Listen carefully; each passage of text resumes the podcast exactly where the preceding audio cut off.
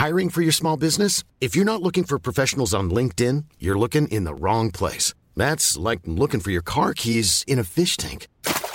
LinkedIn helps you hire professionals you can't find anywhere else, even those who aren't actively searching for a new job but might be open to the perfect role. In a given month, over 70% of LinkedIn users don't even visit other leading job sites. So start looking in the right place. With LinkedIn, you can hire professionals like a professional. Post your free job on linkedin.com slash people today. Karo, mm-hmm. vores faste samarbejdspartner, Teleselskabet 3, de har jo det her Three Like Home, hvor man kan bruge sin telefon med øh, alt, hvad det indebærer, ringe, sms, data i udlandet, uden det koster ekstra. Hvor mange lande er det, de er i? Hmm, 73. Ja. Så det er, jo, det er jo faktisk uh, mere end en tredjedel af alle verdens lande. Det er ret vildt. Ja, det er mange. ja. Det er også det tilselskab, der er i absolut flest lande. Ja. Og øh, hvis man kan lide at komme ud i verden, så er det, jeg skulle til at sige, noget vi gerne vil anbefale. Jeg vil sige, det er et must. Enig. Fuldstændig. Altså det, det er simpelthen for dumt at rejse uden. Uden tre. Ja. Og, øh, og det er jo simpelthen vildt, at de er i over en tredjedel af verdens lande. Men noget, der er endnu vildere, det er ham, som har sagt, helt ekstraordinært har sagt ja til at være med i vores podcast. Altså han laver interview med CNN, han laver interview med BBC, han laver interview med kinesiske nyheder i, i den her tid, fordi han er lige kommet hjem efter en 10 års uafbrudt rejse. Han har simpelthen ikke været hjemme i Danmark i 10 år. I alle verdens lande. Han er den første, der har rejst i alle verdens lande uafbrudt, uden brug af fly. Og han er lige kommet hjem her i august. Det er så vildt. Og han har simpelthen sat en formiddag af til os midt i alle verdens store nyheder. Så det er, vi, vi føler os meget privilegerede, og vi er en lille smule starstruck, fordi det er altså sejt. Og Okona sagde også, inden vi tog hjemmefra, ej, husk nu at få hans autograf. Det er virkelig sejt. det er den første, hun har sagt det om. Ja. Og det siger noget. Ja, så, så øh, velkommen til øh, vores øh, special, kan man også godt lidt kalde det, fordi at der er jo også en anden ting, der er ekstraordinær. Det er, at Thor har jo ikke børn, så han er den første, der er med i vores børnebagagen, uden at have et barn. Ja, så hvis I sidder derude og ikke har nogen børn, så rejs ud i 10 år uden at komme hjem, så må I gerne være med i podcasten. ja. velkommen til. Velkommen til. Børn i bagagen hvor vi, Pelle og Karoline Venegård, rejser ud i verden med vores datter Ukone. Og deler det hele med jer. Velkommen, Velkommen ombord. Det er meget sjældent, at jeg bliver starstruck. Okay. Eller, eller møder nogen, eller et menneske, hvor jeg sådan bliver misundelig. Ja. Eller tænker, ah, okay, det gad jeg godt. Der, der er mange, der har lavet fantastiske ting. Der er der nogen, hvor jeg tænker, jeg gad godt have de penge, de har tjent, men jeg gad ikke være dem for at få dem, eller ja. gøre det, de har gjort. Øhm, men, men lige præcis med dig, og øh, i særdeleshed det, du har gjort. Jeg kender dig jo ikke, men jeg ved, hvad du har gjort, og, og det taler så meget ind i en drøm, jeg har haft, fra jeg var dreng. Jeg har altid haft det sådan, jeg vil gerne se hele verden. Jeg synes, nu er den her. Den ligger derude der er så meget forskellighed. Det er på en eller anden måde så magisk i al sin forskellighed, at jeg vil gerne ud og se det hele. Det er det eneste, der sådan har stået som sådan en ledestjerne. Det, du har gjort, det taler fuldstændig en til en ind i, i noget, jeg i hvert fald gerne vil. Så det er bare at sige, wow, jeg er så, glæder mig så meget til at dykke ned i, i dig og din rejse, fordi det er wow. Nå, det, det bare, skulle jeg bare lige sige. Ja, tusind tak. så, så velkommen til, til Børn i Bagagen, Torbjørn ja. C. Pedersen. Ja. Du kalder dig Thor ude i verden, er det ikke Var det ikke lidt lettere? Jo, det var meget lettere. Ja. Det er de færreste, der kan komme igennem Torbjørn. du er lige kommet hjem for en 10 år lang uafbrudt rejse, hvor du har besøgt alle verdens lande. Ja. Uden at flyve. Ja, det er en vigtig pointe, fordi der er jo nogen, der har gjort det med ja. før med at besøge alle lande. Det er korrekt, Men ja. du er den første, der gjorde det uden at flyve. Det er korrekt, ja. Så vidt vi er orienteret, blev du gift ja. undervejs? To gange. To, to gange. gange. Med den samme? med den samme. ja. Og det var, var det en kæreste, du havde før, du tog afsted? Ja, ja. ja. Vi sidder i hendes lejlighed lige nu. Ja, så du er vendt hjem ja. efter 10 år? Ja. Hvor mange gange har hun besøgt undervejs? 27 gange undervejs. Ja, okay. I har ikke nogen børn? Nej, ikke endnu. Det er jo en undtagelse, du er med i virkeligheden, fordi alle, vi har haft med, de har, de har haft børn, så kan vi snakke om, hvordan de rejser, når de får børn. Men når man rejser i 10 år i træk, uden at være hjemme i Danmark, det er jo også en vigtig pointe, ja. så må man gerne være med her. Okay. Øh, så, jeg føler mig beæret. Nej, det er, det er også der er meget beæret. Vi skal selvfølgelig høre meget mere om din rejse, men vi plejer også altid at starte med at dykke ned i, hvordan man er vokset op. hvordan øh, man rejste i barndommen, Ja. og ligesom finde ud af, om man kan trække nogle tråde derfra. Ja. Så, hvilken familie voksede du op i, og hvordan rejste I, da du var barn? Ja, der ligger, der ligger en hel del i det. Jeg, jeg blev født i Danmark, og min mor var fra Finland, og min far var fra Danmark. Og kort efter jeg var blevet født, der flyttede vi til Kanada. Så det var den første store rejse. Jeg kunne jo ikke engang rulle rundt på maven på det tidspunkt. Men så havde jeg min første fire år i Kanada. Og så fik jeg en søster, mens vi boede der. Og så flyttede vi til USA, og der boede vi i to og et halvt år, og jeg fik en søster mere. Og så kom vi tilbage til Danmark, sådan kort før jeg blev syv år gammel. Og inden for de syv år, der har vi rejst en del mellem henholdsvis Kanada og USA og Danmark, for at komme hjem og besøge familie, men også til Finland for at besøge familie. Så jeg tror, at de tidligere rejseår for mig har været meget med internationale grænser, Ja. og mest af alt for at besøge familie. Og så lærte jeg at stå på ski i Finland, og det var noget langrand og på frosne sø og på det frosne hav. Og så en dag så blev det mere interessant med alpinski. Det var ikke så let at gøre det i Finland. Så begyndte man jo at rejse til Østrig for at stå på ski der. Snakker vi stadig i barndommen på det tidspunkt? Jeg er stadig i barndom, ja. Hvor familieturene de så gik sydpå i stedet for nordpå, efter vi var kommet tilbage til Danmark. Og så har jeg jo været i skole, og skoleture ind over grænsen til Tyskland og til Italien og sådan nogle steder. Og det tror jeg ligesom danner rammen om rejselivet i min barndom. Hvad gjorde I for eksempel om sommeren? Altså, Så tog vi nok til Finland. så tog det, så, okay, så var det op til familien, ja. Og så vinteren var det sydpå til Østrig. Sommerferie og vinterferie er i stor stil blevet brugt i Finland Ja. ja. ganske ofte. Og um, vi har så boet i Midtjylland. Vi har boet på Fyn, og vi har boet i Midtjylland. Og øh, min far, han havde en del familie på Falster. Så der er også nogle sommerferier, der blev, øh, der, tog, der fandt sted på Falster. Ja, ja der er også dejligt. Hvorfor flyttede I til Kanada og USA? Det var på grund af min fars arbejde dengang. Hvad lavede han? Han var handelsmand, og han var ansat i en øh, virksomhed, en tekstilvirksomhed. Og de syntes, at han skulle til Canada for at starte en ny afdeling op, tror jeg det var. Eller sådan. Jeg er faktisk ikke så opdateret på, hvad det gik ud på. Du, du var også bare med. jeg var bare med, ja. Og så, så er du hjemme, og så, så bor I i Danmark, for du er syv år. Ja, det gør vi. Så meget til Finland. Har du ellers været sådan rundt i verden med dine forældre, ud over Kanada og USA i starten, hvor I boede der? Det tror jeg ikke. Jeg, jeg sidder lige og tænker over det, men jeg kan simpelthen ikke huske det, hvis det skulle være. Vi stod ikke på charterferie, vi var ikke i Tenerife eller... Den, Mallorca, eller hvad det var. Så, så i virkeligheden, udover at da I boede derovre i, øh, i, i USA og Kanada, så har det været meget det samme med jeres rejseri, Ja, du var barn.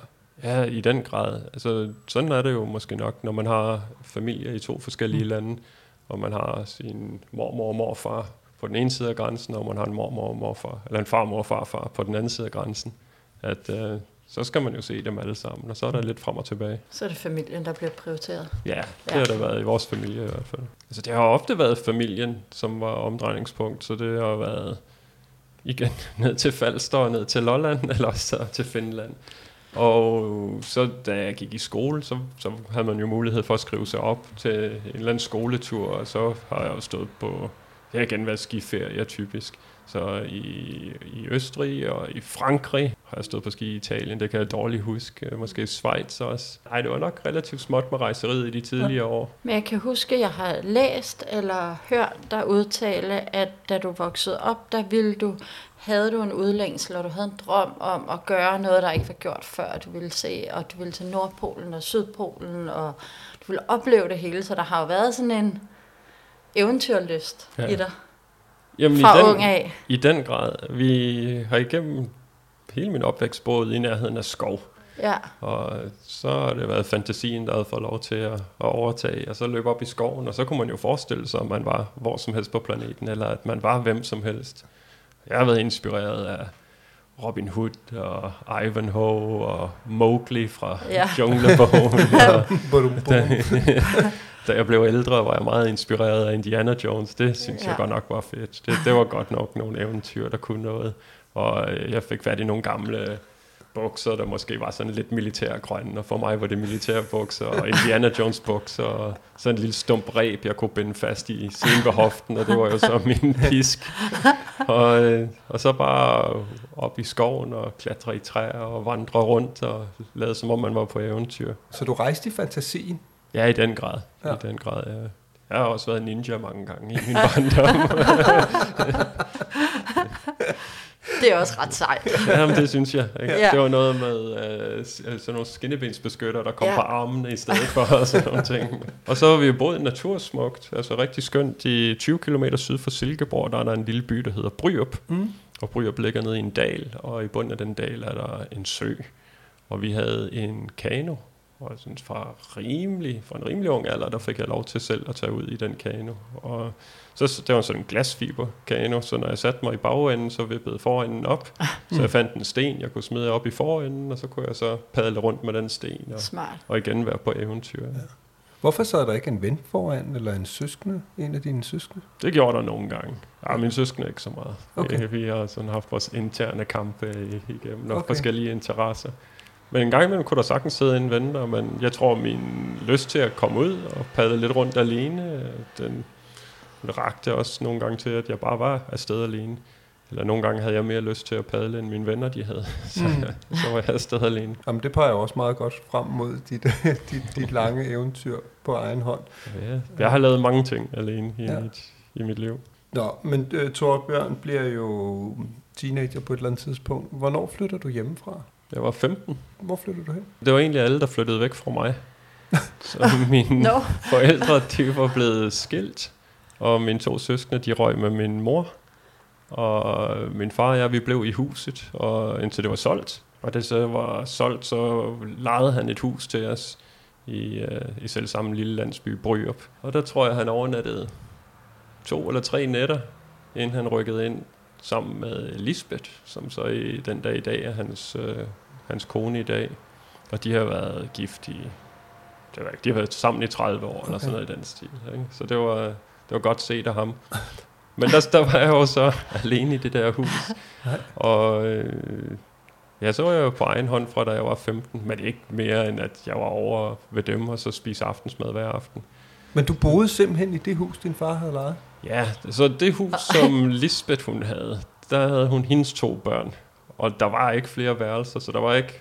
Der var ikke plads. der var ikke, der var ikke plads til, at jeg også kunne være der. Og så tænkte vi, om det var måske en meget fin løsning, at så blev han bare ved med at betale huslejen for det hus der, og så, så var jeg der, stod selv op om morgenen og lavede morgenmad og tog i skole og smurte madpakke og så videre, og så om aftenen kom jeg over og fik aftensmad sammen med dem.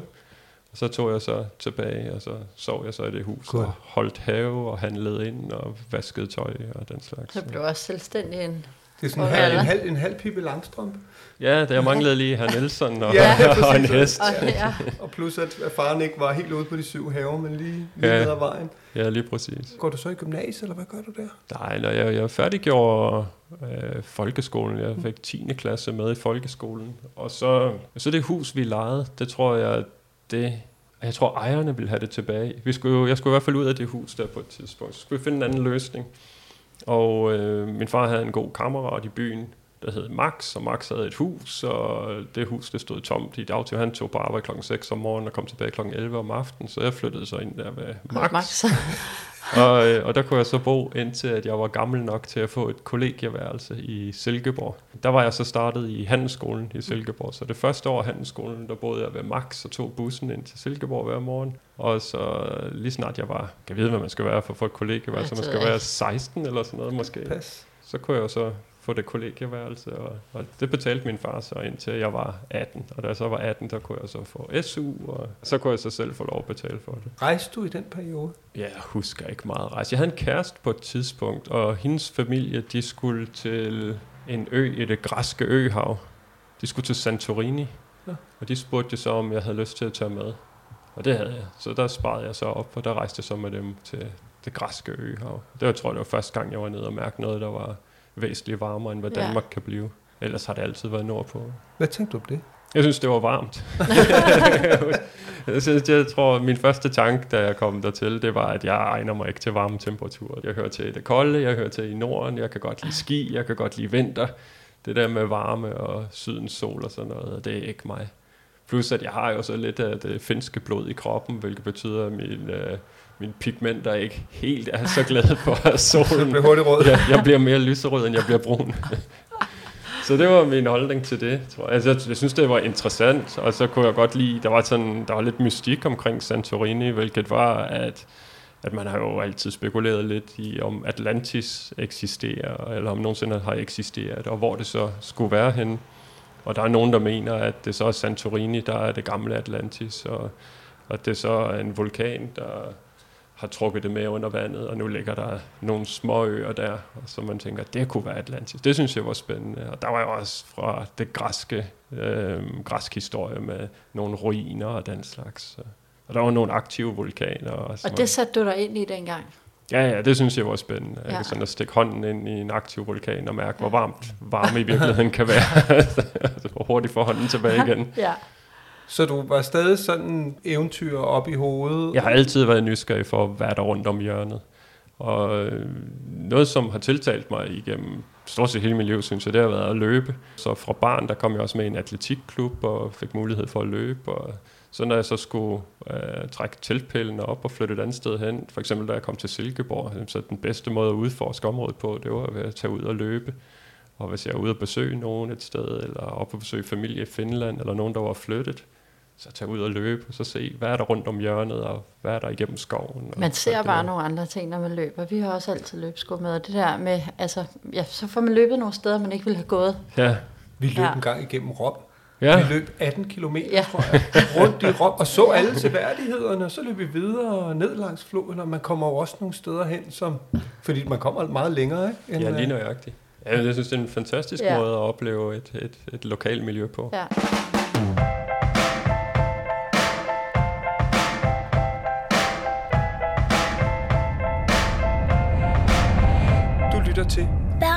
Bagagen. Så jeg blev færdig i handelsskolen, og så er jeg jo så til session hen imod sidste ende af det. ja.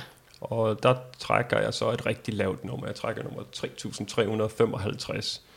Og jeg fik at vide, at det år, der skulle de bruge 14.000 soldater. Hvilket vil sige, at alle tal over 14.000, så er du fri. Mm. Og mellem 10 og 14, det kommer an på, hvor mange frivillige der vil være. Men 3.355, så skal, du, så skal du ind. Og der skrev jeg så Livgarden på, som det øverste. Og det fik jeg. Jeg havde lige en kort periode, hvor jeg arbejdede i Legoland i Billund, mellem, jeg var pirat i tre måneder, øh, mellem handelsskolen og Livgarden. Så kom jeg ind til Livgarden, og der var jeg i 12 måneder, og det var så min tilknytning til København, og det var sådan, at jeg havnede herover på den side af Danmark. Og øh, da jeg var færdig med Livgarden, det var en fredag, og vi havde afleveret vores uniformer, og vi stod i vores civilbeklædning, og venner og familie var kommet for at, at tage alle de her tidligere soldater med hjem. Og jeg stod bare sådan lidt og tænkte, hov, hvad, jeg har da glemt at planlægge. Nu, nu er vi- Der hverken far eller Max stod klar. nej, ja, nej, på der Maxi til at køre dig tilbage til der, Jylland. var ikke, der var ikke nogen af dem. Men, men jeg tror bare, at, at sådan 12 måneder i militæret for mig, det havde bare været, det havde bare fjernet hele min, min tankevirksomhed nærmest. At det var sådan, hvor mange armbøjninger skal vi tage i dag? Hvad skal vi spise? Og hvad skal Det var bare adlyd og gøre, så hvad der at sagt. nu skulle jeg aflevere min uniform. Okay, så gjorde jeg det. Og så, så skulle man så stå der på den græsplæne, og man stod i formation, og så blev der sagt træd af. Og så folk, de satte sig ind i bilerne, og så var de væk, og så stod jeg bare sådan lidt og tænkte, hvad, hvad skal jeg lave på mandag? Så hvad sker der nu? Og så kom der en officer over til mig, og han spurgte jo så, øh, hvad jeg synes om militæret og sådan nogle ting. så det var vældig fint. Så hvad, man får karakter derinde jo. Man, øh, man får en, et bogstav og et tal. Så A, B, C og 1, 2, 3. Og alle får B2. Det, det udgør nok 90% af alle soldater får B2. Og så et, et C eller et tretal indikerer noget, der ikke var så godt. Og A1, det er sjældent. Men jeg lå faktisk, jeg fik A1 nok, fordi jeg bare havde gjort, hvad de havde sagt i 12 måneder. Så jeg fik A1, så det var han imponeret over. Så sagde han, vil du med over på mit kontor og snakke om international tjeneste? Så sagde jeg, det, ja, det kan vi godt. Og så sad vi i 45 minutter, og så skrev jeg under på en kontrakt, og så tog jeg hjem. Så kom jeg tilbage om mandagen og fik udleveret en ny uniform og en blå baret, og så startede jeg min FN-træning. Nej, Og hvor så- sjovt. Hvor, hvor tilfældigt også. Ja, lidt, ja. Det var, men jeg svor jo så den dag, at jeg aldrig igen vil stå i en situation, hvor jeg ikke vidste, hvad der skulle ske om fem minutter. Ja. Så jeg vil altid have en plan A, B, C, D og så videre.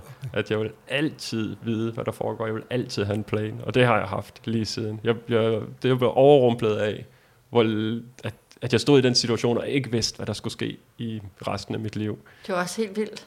Ja, det er var- en helt vild situation, helt ikke? Og vildt. bare på en eller anden måde have lagt hjernen du, fra altså, sig, og bare... ja, I den grad, ja. Ja. altså, var du glad for det valg, du traf så? Fordi der Med gik FN? 45 minutter, ja, så stod du der og havde truffet et valg, jo. Jeg tror, det var en umiddelbar løsning. Altså, det var jo, her står jeg og har ikke nogen plan, og her er så en mand, der siger, at vi kan give Kom dig den vej der er en spændende fremtid, og vi er villige til at betale for det, og du har jo nogle kundskaber, som du nu kan få lov til at bruge. Øh, Så ja, det gør vi. Så skrev jeg så en kontrakt for tre år, og så havde vi noget missionsorienteret uddannelse, og jeg endte op med at være soldat i Afrikas Horn, øh, i Eritrea og Etiopien, og en lille smule i Djibouti igennem syv måneder. Og kom hjem og tænkte, nu skulle jeg ind i shipping og logistik, fordi det var egentlig min tanke, da jeg gik på handelsskole. Der var en, der hed René Friedrich, for en, en dag, hvor vi alle sammen skulle fortælle, hvad vi ville med den her uddannelse, og han rakte hånden op, og han skulle ind i shipping. Ja. Aldrig nogensinde hørt om det. Og så, øh, så blev han jo spurgt, hvad er shipping for noget? Jo, ikke? Og så, det er jo noget med, der er ikke to dage, der ligner hinanden, og det er internationalt, og det er uha, og det er spændende, og sådan noget. Så tænkte det er da lige mig. Men så røg jeg jo hen til Livgarden, og så Livgarden, der blev, blev så fuldt trop med, med FN-uddannelse, og så FN-uddannelse kom jeg tilbage til, "Jamen, nu skal jeg altså ind i det der shipping der, hvor det er internationalt, og ikke to dage, der ligner hinanden. Nå, men inden vi lige skal ind i shipping, Ja, øh, sammen med René, hvad hedder han, René Fritjof? ja René Friedrich, Fritrik, det er et dejligt navn. ja, ja. Øhm, han kører hjem i bil i dag. det er det sidste, jeg har hørt i hvert fald. Åh, shit. Nej, hvor er det sjovt. Nej, det jeg tænkte på, det var, når man er ude som soldat, det er jo også en måde at rejse på, kan man sige, men en lidt Ja. anderledes måde. Hvordan er det at rejse ned til et land som soldat? Og så er det så som fredsbevarende. Jeg var meget ung, og jeg var en anden person dengang. Jeg havde ikke den selvtillid, jeg har i dag. Jeg havde på ingen måde den erfaring, som jeg bærer i dag. Og heller ikke den erfaring, som jeg vil få blot nogle få år efter igennem shipping. Um, så jeg tror bare, at det var et ungt sind, og der var en årsag til, at man gerne vil have soldater, når de er unge. Så kan man stadig forme deres, deres personlighed og deres hjerner og så videre. Så jeg var bare nede og klap hælene i. Og jeg var ikke særlig voksen i forhold til min tilgang til at en fremmed kultur. Ikke at jeg var nedladende overfor det, det kunne jeg måske nok godt have været en gang imellem. Men ikke at jeg sådan udviste nogen form for overlegenhed over for en anden kultur. Blot at det ikke interesserede mig på samme måde. Var du i den soldaterverden? Så Jeg det var der, du meget i den soldaterverden. Ja. Rigtig, rigtig meget. Øhm, og fuldt ordre og forsøgte at være den bedste soldat, jeg nogle gange kunne være, den bedste soldaterkammerat, jeg nogle gange kunne være. Og var meget ambitiøs omkring, at jeg synes, jeg gjorde noget godt. Nu var jeg taget afsted som FN-soldat for at kunne være til for andre. At resten af mit liv skulle jeg måske være til for mig selv, og ud og tjene nogle penge, og realisere mine egne drømme, og hvad jeg havde lyst til. Men her, der gav jeg et halvt år af mit liv, for at andre de skulle få det bedre. Og så ved jeg ikke rigtigt, om vi fik udrettet det, vi, vi ønskede at gøre, eller som jeg håbede på. Men ja, det var missionsorienteret arbejde, og jeg blev sat i nogle forskellige positioner, og jeg så en masse. Ja.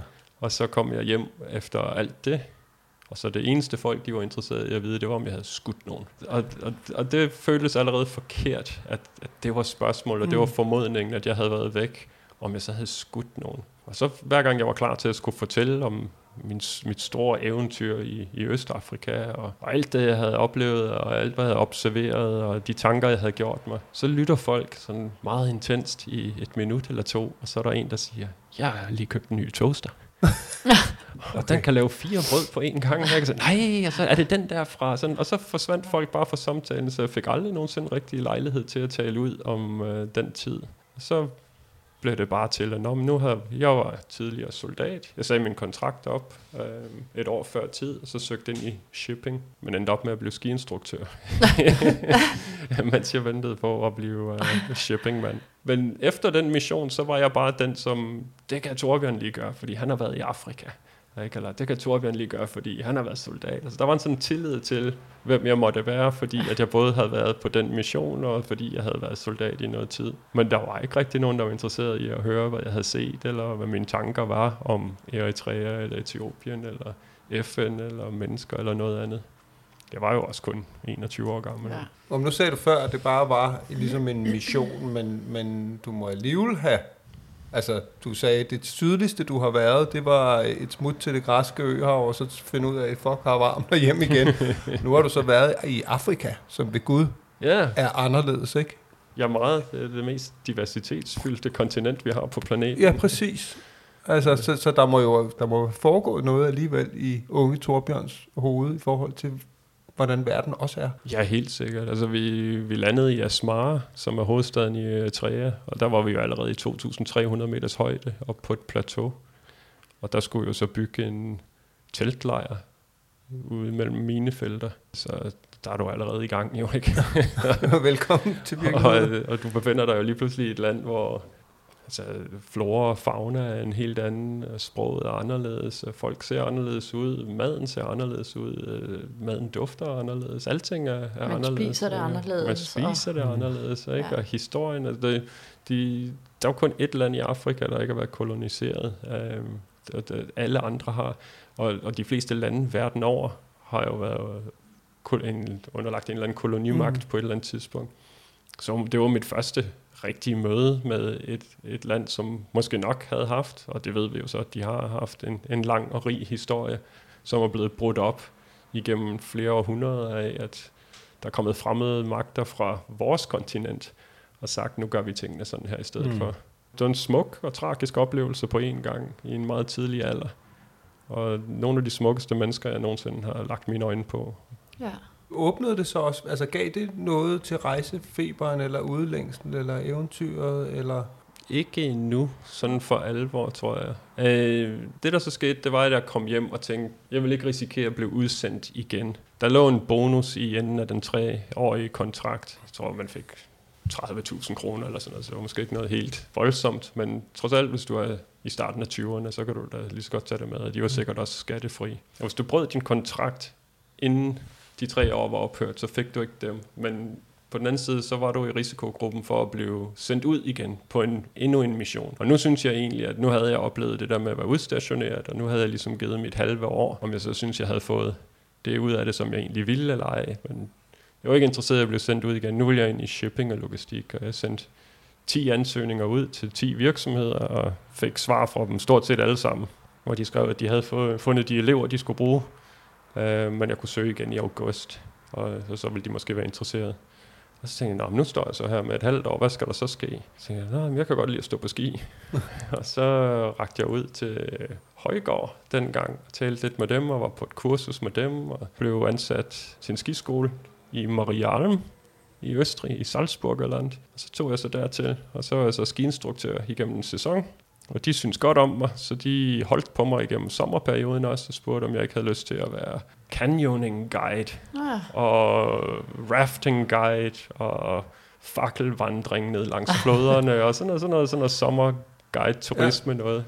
Og de talte for, hvor smukt der er om sommeren, og sneen forsvinder, og alle blomsterne kommer frem, og køerne kommer ud på markerne. Og, Og så med deres klokker om halsen. det er lige nøjagtigt. Så det synes jeg lød attraktivt, og så sad jeg dernede og uddannede mig til alt det, mens jeg sendte de samme øh, ansøgninger ud til de samme 10 virksomheder. De her forskellige shipping virksomheder, de havde Mm. taget deres elever ind til, at de nu igen skulle til at kigge på det. Og så skrev jeg så, at nu havde jeg også været skiinstruktør og canyoning guide og så videre, og jeg ville gerne være shipping-elev. Der fløj jeg så fra Østrig til København, og jeg mødtes med tre virksomheder. Eller jeg havde, det, havde, det var planen. Jeg skulle mødes med tre forskellige virksomheder, hvor jeg blev kaldt til samtale. Og jeg mødtes ved de første, og de sagde så, at hvis de lovede mig en plads som shipping-elev, om jeg så ville lade være med at tage til samtale ved de andre to. Jeg sagde ja, det vil jeg gerne, det er helt fint, så gør vi det. Og så blev jeg elev hos dem, og så skrev jeg til de andre, jeg kommer ikke til samtale. Og så fløj jeg tilbage til Østrig, og da det så var tid til at starte min elevperiode, så tog jeg til Danmark igen og etablerede mig i en lejet lejlighed et sted i København. Og øh, så var jeg shipping-elev i to år. nej, sjovt. Jeg vil også gerne være shipping-elev. Det lød bare flot. Og så, Har du også mødt ham der? Øh, Ja, det kan godt være, at jeg har mødt øh, ham et eller andet det sted, men fantastiske og det der med hele verden og sådan noget. Ja. Jeg var også til samtale inde med Mærsk, men jeg kom aldrig videre. Jeg har aldrig ville være shipping-elev, men, men det er sjovt at høre. ja. I'm Sandra, and I'm just the professional your small business was looking for. But you didn't hire me because you didn't use LinkedIn jobs. LinkedIn has professionals you can't find anywhere else, including those who aren't actively looking for a new job but might be open to the perfect role, like me. In a given month, over 70% of LinkedIn users don't visit other leading job sites. So if you're not looking on LinkedIn, you'll miss out on great candidates like Sandra. Start hiring professionals like a professional. Post your free job on linkedin.com/people today. Hey Dave, Yeah, Randy. since we founded Bombus, we've always said our socks, underwear, and t-shirts are super soft. Any new ideas? Maybe sublimely soft. Or disgustingly cozy? Wait, what? I got it. Bombus. Absurdly comfortable essentials for yourself And for those facing homelessness. because one purchased equals one donated. Wow, did we just write an ad? Yes. Bombas. Big comfort for everyone. Go to bombas.com slash ACAST and use code ACAST for 20% off your first purchase.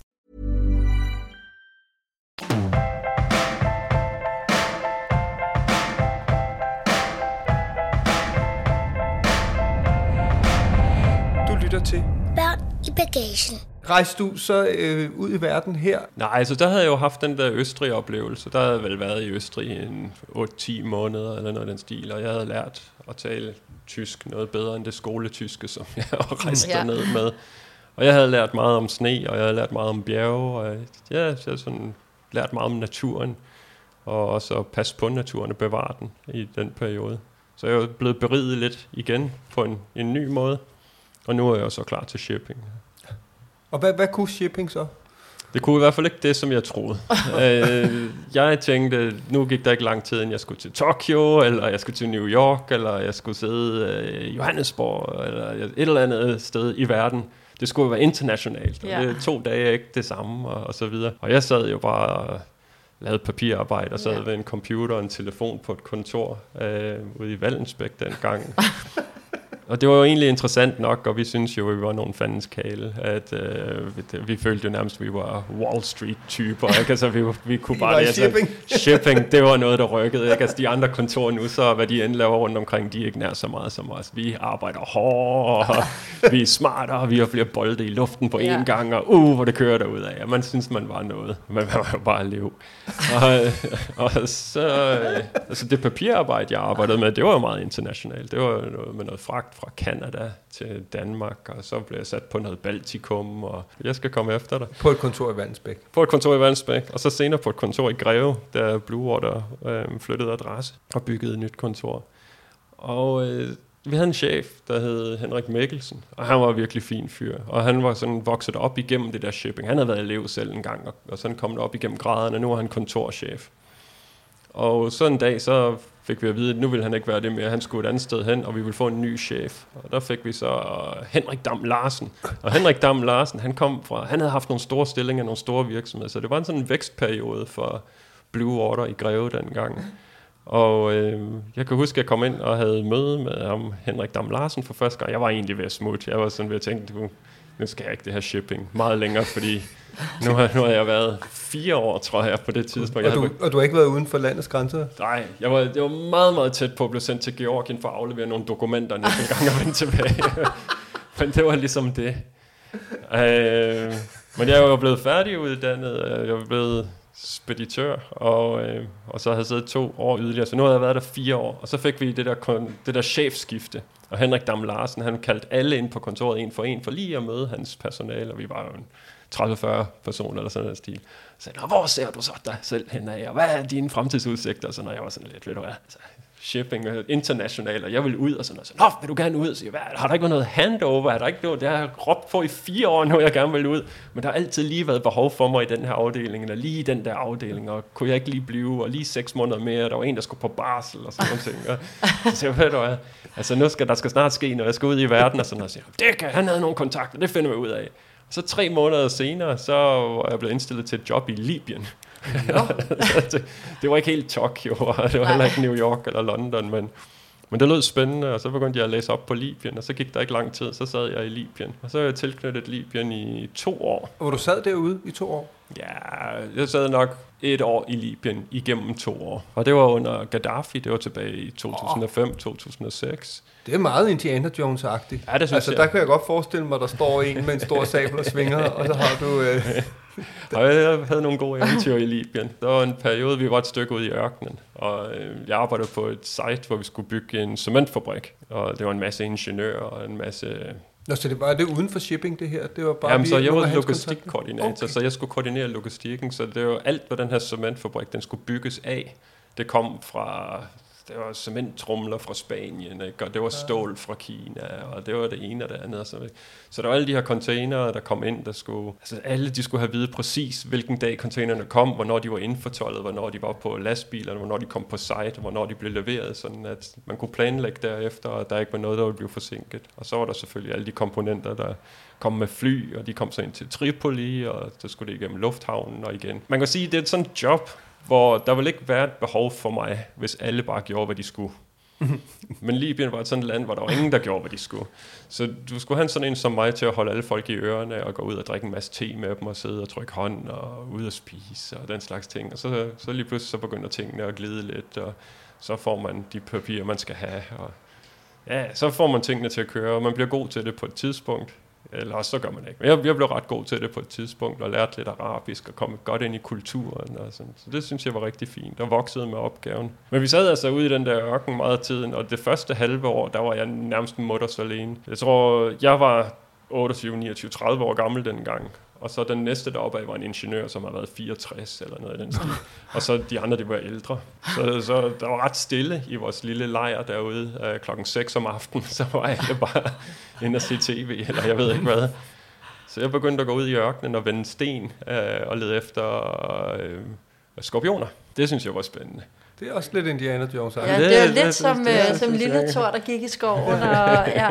Og øh, en gang med vender du en sten, så finder du en skorpion. En gang skal du vende tusind sten, før du finder en skorpion. Jeg kunne ikke sådan rigtig lure, hvilke sten de var ind under, jo ikke? Og så en gang, mange gange så finder du en lille skorpion, og en gang imellem så finder du en stor skorpion, så træder man lige et skridt tilbage. Hvad ville du så? Hvad skulle du med dem? Og så samlede jeg dem jo så op, og så tog jeg dem med tilbage. Jeg fik lavet et sådan, øh, det lignede et akvarie, et sådan, sådan en lille glasboks, Ja. en stor glasboks, og smed noget sten ned, nogle sten ned i, noget sand og nogle grene. Og så fik jeg lavet et låg også.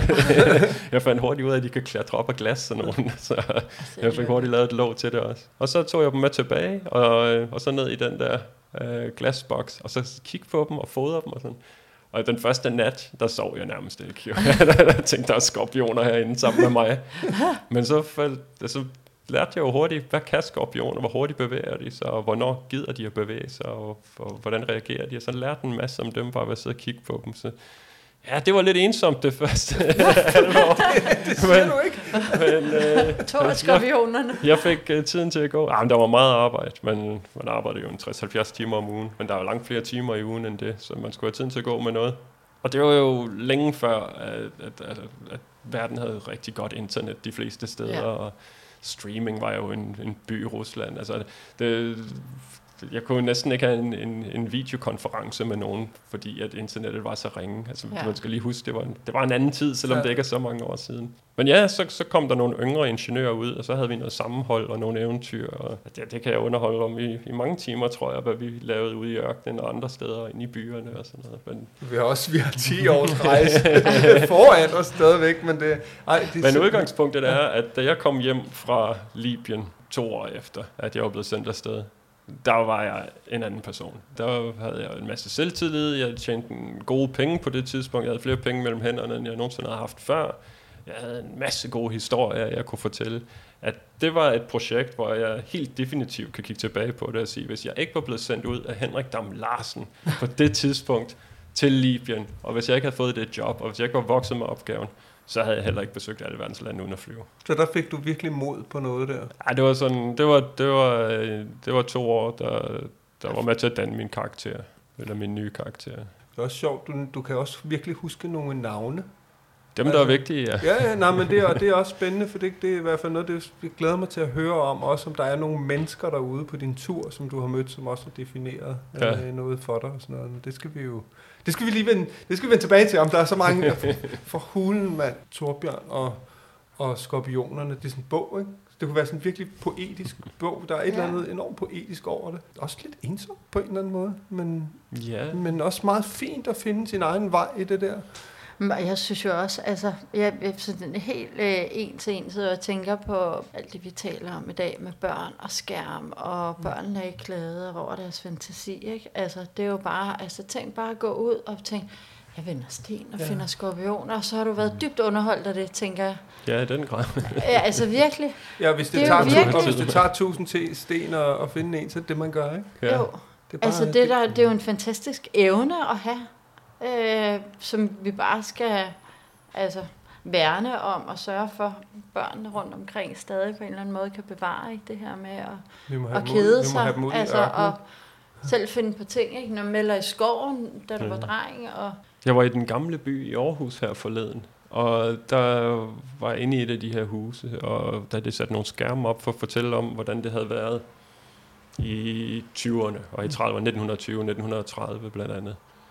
Og der var en, en ældre kvinde, som sad i en stol og fortalte om hendes barndom, hvor hun sagde, at årsagen til, at de legede udenfor, var fordi det var kedeligt at være indenfor.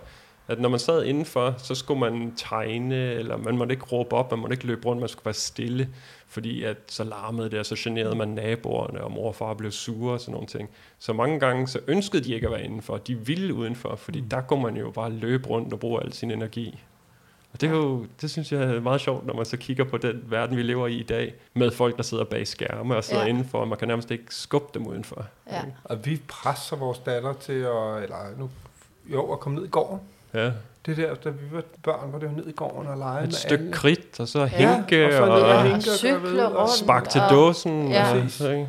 Men det, øh, hun synes også, det er enormt fedt. Ja. Altså, så når der er et tilbud, og når, når muligheden er der, så, så gør de det jo. Ja. Men når der ikke er noget, så er jeg skærmen frem, ikke? Ja. Nå, det, det er i virkeligheden en sidehistorie. Du kommer hjem, så er du klar. Ja, så sker der jo så det, at nu er jeg ham, der har været i Libyen. ikke? Så nu er der ikke et sted, de ikke kan sende mig hen. Så så kommer der fart på. Så arbejder jeg lidt i Kazakhstan og i Azerbaijan, og jeg arbejder i den arktiske cirkel, jeg arbejder i Grønland, jeg arbejder et år i Bangladesh. Jeg blev sendt over for at slukke ildebrand øh, på et kontor i Florida. Jeg blev sendt rundt forskellige steder i Europa. Jeg arbejder lidt i Italien og i Portugal og i Spanien og i Irland. Og, så der, nu kommer jeg virkelig omkring. Nu blev det internationalt. Ja. Og så når det jo så til et punkt, hvor, hvor jeg tænker, at nu kan jeg se, at de fleste af mine venner har fundet en at holde hånd med, og der, der er også nogle af dem, der har fået deres første barn og sådan nogle ting. Og i, alle mine parforhold er jo gået i stykker af det her liv. Altså, jeg har som regel haft en kæreste, der tog ud på et projekt, og så har der ikke været nogen, når jeg kom hjem. Ja. Og det har lidt været udgangspunktet for, for meget af det. Sådan var det, da jeg tog til... Så var det mere eller mindre, da jeg var soldat i sin tid. Mm. Der var godt nok en, der, da jeg kom hjem, men det varede ikke ret længe efter, at jeg kom hjem. Da jeg tog til Libyen, der var der en, der tog afsted. Da jeg tog til Bangladesh, der var der en, der tog afsted. Og når jeg kom hjem, så var der ikke nogen. Grønland, og ja, det er simpelthen, det har bare været min historie igennem mm. mange år. Så jeg tænkte, ja, hvis jeg vil, hvis jeg gerne vil have et forhold til en kvinde, og, og det skal fungere, så er jeg også nødt til at være der. Altså så enten så skulle hun jo rejse ud med mig, og det havde jo så været rigtig svært, eller så var jeg nødt til at have et mere fast liv og, og et mere stabilt liv. Så det var lidt mine tanker. Men så rejste jeg ud og besøgte alle verdens lande uden at flyve. Ja, jeg skulle lige til at se, Anne. og hvad fanden skete der så? Nå, men stoppede du så med, med det her arbejde? Altså, var, du et, var det et fast Nej. sted, du var, som sendte dig ud alle de her steder, eller arbejdede som, som freelance-konsulent, eller hvad hedder sådan noget? Nej, i, i sin tid, der arbejdede jeg for Blue Water Shipping, mm. og det gjorde jeg i otte år. Og så startede jeg min egen virksomhed, som jeg kaldte for Red Sand Solutions. Det var så Blue Water blev til Red Sand. Mm. så, så arbejdede jeg som konsulent.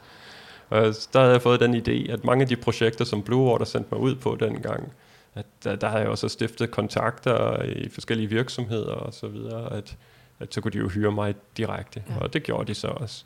Så fortsatte jeg i Red Sand Solutions på egen hånd i fire år. Og det sidste projekt, jeg havde, inden jeg besøgte alle verdens lande, det var et projekt inden for den arktiske cirkel, hvor jeg arbejder op i det nordlige Sverige. øh, hen over en periode på 11 måneder. Så det var et Vestas-projekt, hvor der skulle sættes vindturbiner op, og de skulle have en lejr i tilknytning til det. Det var lidt som et mobilt hotel, og jeg blev bestyrer for det mobile hotel, så det var ikke så meget logistik, som det var, men det var alligevel logistik at få det til at gå op mm. med værelser og ind og ud, og det, der skulle leveres. Og men der må være et eller andet imellem din beslutning om, at nu vil du gerne være hjemme, og nu skal du have ro på. Havde du mødt du, var det fordi, du havde mødt din kæreste dengang, eller, eller mødte du først hende, da der kom ro på, eller, eller, eller kom der ro på? Altså, hvad sker der der, fra du tager den beslutning, og nu skal der ro på, til du så tager den beslutning om, at nu skal jeg ud og rejse i, hvad du først troede var fire år, men som så blev til 10. På et tidspunkt, der var jeg blevet introduceret til nogle, sådan nogle borebisser, eller borefolk, boreindustrien. Det var på en boring i Sten Lille, øh, i forbindelse med et gaslager. Og jeg var blevet sat på som logistikkoordinator der, og, og lært en masse mennesker at kende. Og fandt så ud af, at mange af de her typisk arbejdede 14 dage, og så havde 14 dage fri. Man arbejder så 12 timer om dagen, og så 7 dage om ugen. Det synes jeg egentlig var tiltalende. Det, synes, det kunne jeg godt se, og der var gode penge i det også. Ikke? Så det kunne jeg se, at om man så skulle på en række ud i Nordsøen, eller man skulle på et boreprojekt et eller andet sted ude for kysten af et eller andet land, et sted i verden, så vil man være der 14 dage, og så bruge nogle dage på at komme hjem, og så være hjemme i måske 10 dage, og så bruge et par dage på at tage derud igen. Og så tænkte jeg, så kunne jeg jo i princippet tage på ferie hver 14. dag. Ja. Ikke? Altså jeg tjene godt, og måske hvis jeg var ude for Brasiliens kyst, ikke, så kunne jeg så rejse Sydamerika tynd. Det så jeg nogle perspektiver i. Så det var lidt min tanke, at det var det, jeg skulle. Jeg fik også nogle geotermiprojekter, øh, hvor, nogle boreprojekter, hvor jeg skulle koordinere logistik. Og vi endte op med at have et, som lå i nærheden af Viborg, i en lille by, der hedder Kvols, hvor man har boret efter olie i 70'erne. Ja, sådan, der var lidt et olieeventyr, der, der ikke gik, som de havde håbet på. Men så har man fundet ud af, at der kunne man lave en geotermiboring, og så kunne man så fremtidssikre regionen med vedvarende energi. Men geotermi, det er, hvor man borer ned i undergrunden. Der er vand ned i undergrunden. Langt ned, vi har vores, ja. vores drikkevand, men, men langt længere ned, der er også vand. Så der er nogle lommer med vand, som i princippet er kogende. Der skal du ned i Danmark omkring 3000 meters dybde. En tommelfingerregel er, at temperaturen stiger cirka 30 grader for hver 1000 meter, man bor. Hvis du så bor ned og rammer vand i 3000 meters dybde, så vil det på samme måde, som man ser i film med olie, hvor olien bare sprøjter op på den måde. Så fordi der er trykudligning, trykket er helt anderledes ned på 3000 meters dybde, og kontra hvad den er heroppe på overfladen, så vil det fare op, og så vil det så skyde op. Så du får egentlig det her gratis transporteret op til overfladen. Og så har du kogende vand, og det kan du føre i en radiator for eksempel, og så kan du holde dit hus varmt. Men du kan også føre det igennem en turbine, en dampturbine, ja, ikke? og så laver du så strøm. Så på et tidspunkt, så køles det jo så af. Så har du en boring mere ved siden af, så leder du det ned i det hul, så ryger det ned igen til 3000 meters dybde. Det, der sker med projektet i Viborg, det er, at øh, det spænder lidt ud af kontrol økonomisk. Og det var et kommunalt projekt, og så overtager staten, og så staten beslutter sig for at lukke det. Og på det tidspunkt, der havde jeg lige købt en lejlighed i Ørestaden for bankens penge. Og det hele det var bygget på, at jeg ville have den indtægt på det projekt. Og jeg var ved at positionere mig selv til at kunne have et liv, hvor jeg arbejder 14 dage og 14 dage fri, arbejder 14 dage og 14 dage fri, og det kunne godt fungere med et stabilt liv og, og have en og, og måske finde en, en partner for livet og den slags. Men fordi jeg havde købt den lejlighed, og fordi jeg lige pludselig mistede jobbet, da det hele blev lukket ned i nærheden af Viborg, der i Kvols, så skulle jeg finde på noget. Og jeg har en kammerat, som er statsautoriseret revisor, han sagde, bare sørg for, at du tjener nogle penge. Det er ligegyldigt, hvor lidt du tjener. Bare sørg for, at du tjener nogle penge. Find et projekt. Der må være et eller andet. Der må være nogen, der vil have dig. Og der var nogen, der gerne ville have mig op i det arktiske. så pakkede jeg tasken og tog fra Kvols til det arktiske. Og øh, mens jeg var deroppe... Og det var Nordsverige? Det er oppe i den nordlige del af Sverige. Det er helt oppe i den nordlige Op del af Sverige. omkring Kiruna, eller? Ja, meget tæt på Kiruna. Ja. Mellem Gällivare og Kiruna. Okay. Det, der så sker, det er, at jeg kommer til... øh, Jeg bliver inviteret til et bryllup i lidt uden for København. Det er en god ven fra mine dage i Livgarden. Og jeg klæder mig ud og tager til det bryllup, og jeg bliver så placeret over for Le, som jo så er min hustru i dag. Og der er, det er et bredt bord, så det er svært at tale med hende. og, og der er også en masse bordpynt. Øh, Men på, men på den anden side, så til venstre for mig, der sidder en øh, lesbisk kvinde, og til højre for mig, der sad en, som hun har været 65 år gammel, eller sådan noget. Og de var vældig søde alle sammen, og det var ret tydeligt, at jeg var blevet blokket på begge sider, og så le hun sad over Ja. for mig. Og vi ender op med at dele en øh, taxa tilbage ind til København den aften, sammen med nogle andre. Og det sidste, jeg ser til hende, så hopper hun ud af den taxa på et tidspunkt og løber ind i hendes lejlighed. Og så tænker jeg, at hun var meget sød. Og så flyver jeg tilbage op til det arktiske, og så nogle dage efter får jeg en invitation på Facebook, om jeg kan huske hende. Og det var hende, der var ved at uddanne sig til læge, og jeg laver en eller anden joke med, ja, man kan ikke have for mange læger i sit liv, og sådan nogle ting. Ikke? Og vi begynder at skrive sammen, og vi begynder at skrive sammen hver dag, og uge ind og uge ud, og så til sidst, så bliver det til e-mail, og så er vi pennevenner. Ikke? Så vi, det er hver eneste dag, så er der en mail, og det er dagens højdepunkt, det er, har hun sendt, har hun sendt en, Nå, et svar, og så fint. videre, ikke? og så får svaret tilbage. Og så slutter projektet derop, og så er det nærmeste og det mest naturlige, det er selvfølgelig, at vi skal mødes, når jeg kommer tilbage til København. Og i, når, i hvor lang tid står det her på? Det er et meget godt spørgsmål. Det er, det er jeg faktisk ikke klar over. Lad os sige fem måneder. Okay. Det, det er Hvor I, måske I ses ikke? I skriver bare sammen? Ja, hvis, hvis, hvis og I har kun set hinanden hen over bordpynten, og I Ja, på lige bagsiden. Og taxa. Okay. Ja, Ja, ja, vi, har, vi har så talt sammen øh, til brylluppet, men det kan jeg ikke huske. Det kan hun huske. øh, ja, men det var, det var ligesom det. Og øh, hendes veninde blev så gift med min ven, og, og, og det jo fungerer så meget fint, også den dag i dag. Så jeg kommer hjem, og vi begynder at se hinanden, og vi mødes nogle gange, og så begynder vi at date, og så er det ligesom det, og der er stadigvæk ikke noget om, at jeg skal besøge alle verdens lande.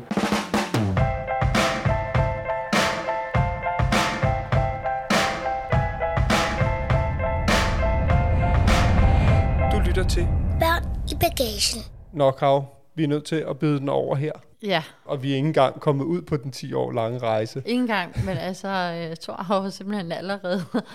Rejst verden rundt flere gange. Han har jo simpelthen bare haft et spændende liv, både arbejdsmæssige rejser og familierejser. Jeg synes, øh, det var virkelig værd og interessant at høre om. Og det er helt vildt. Og så er han, synes jeg, er virkelig en god fortæller. Mega meget. Og øh, hvis I også synes, han er en god fortæller, så skal I glæde jer, fordi øh, nu træder vi jo stille og roligt ud på, øh, på de her 10 år, han ja. har været ude at rejse. Men det bliver først i næste uge, Ja. fordi vi byder den som sagt over her. Ikke? Så glæd jer til næste uge, hvor at vi skal ud på den her rejse. Mm-hmm. Og øh, hvis du nu selv sidder og er blevet inspireret til at rejse, så husk nu ikke at tage afsted uden et øh, abonnement fra, øh, fra 3, vores samarbejdspartner, der har Three Like Home. Der er, er mange penge at spare, der er meget bøvl, du ikke render ind i, og Jamen prøv at høre, det er bare at sige, det er et must. Den er ikke længere, og de er øh, i gåsøjen kun i 73 lande. Det, det er jo ikke noget imod øh, Tors øh, alle verdens lande, men, Ja. øh, men det er dog det teleselskab, der er i flest lande. Så hvis du er eventyrlysten og kan, kan lide at komme ud i verden, så, så er det altså Like Home, du skal, Ja. du skal hakke til. og tilselskabet 3. Go, go, go. Præcis. Nå, jeg, jeg håber, I er med os næste gang. Tak fordi I lyttede med. Du lyttede til Børn i Bagagen, og du kan finde billeder til dagens afsnit inde på vores Instagram. Børn i bagagen. Tak fordi du lyttede med. Håber du vil med igen næste gang. Vi ses! Mom deserves the best, and there's no better place to shop for Mother's Day than Whole Foods Market. They're your destination for unbeatable savings, from premium gifts to show-stopping flowers and irresistible desserts. Start by saving 33% with Prime on all body care and candles. Then get a 15-stem bunch of tulips for just $9.99 each with Prime. Round out Mom's menu with festive rosé, irresistible berry chantilly cake, and more special treats. Come celebrate Mother's Day at Whole Foods Market.